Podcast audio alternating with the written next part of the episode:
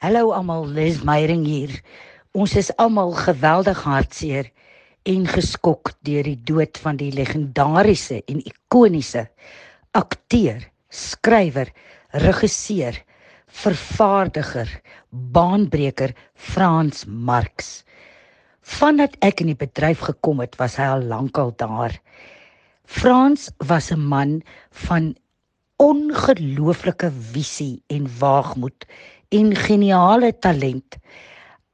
Super, super, super intelligent. En 'n baie oophartige en eerlike man wat geweldig omgegee het vir ons ouer akteurs onder andere en gesorg het dat mense soos Sande Lange en dis meer rolle kry. En onder andere sy rolprente, sy honderde TV-reekse Egoli En bovenal was Frans 'n ongelooflike storiemaker. Ek is eintlik baie dankbaar dat Frans verdere leiding en die verlies van sy waardigheid gespaar is want Frans was nie 'n man wat ooit simpatie by enigiemand gesoek het nie.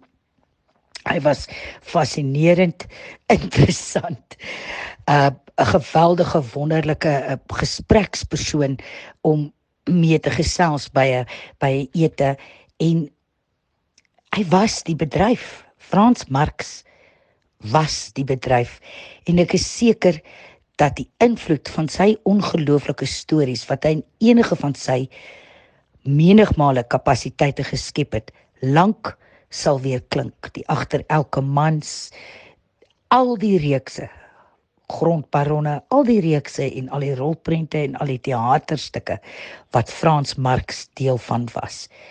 Ek eer sy nalatenskap.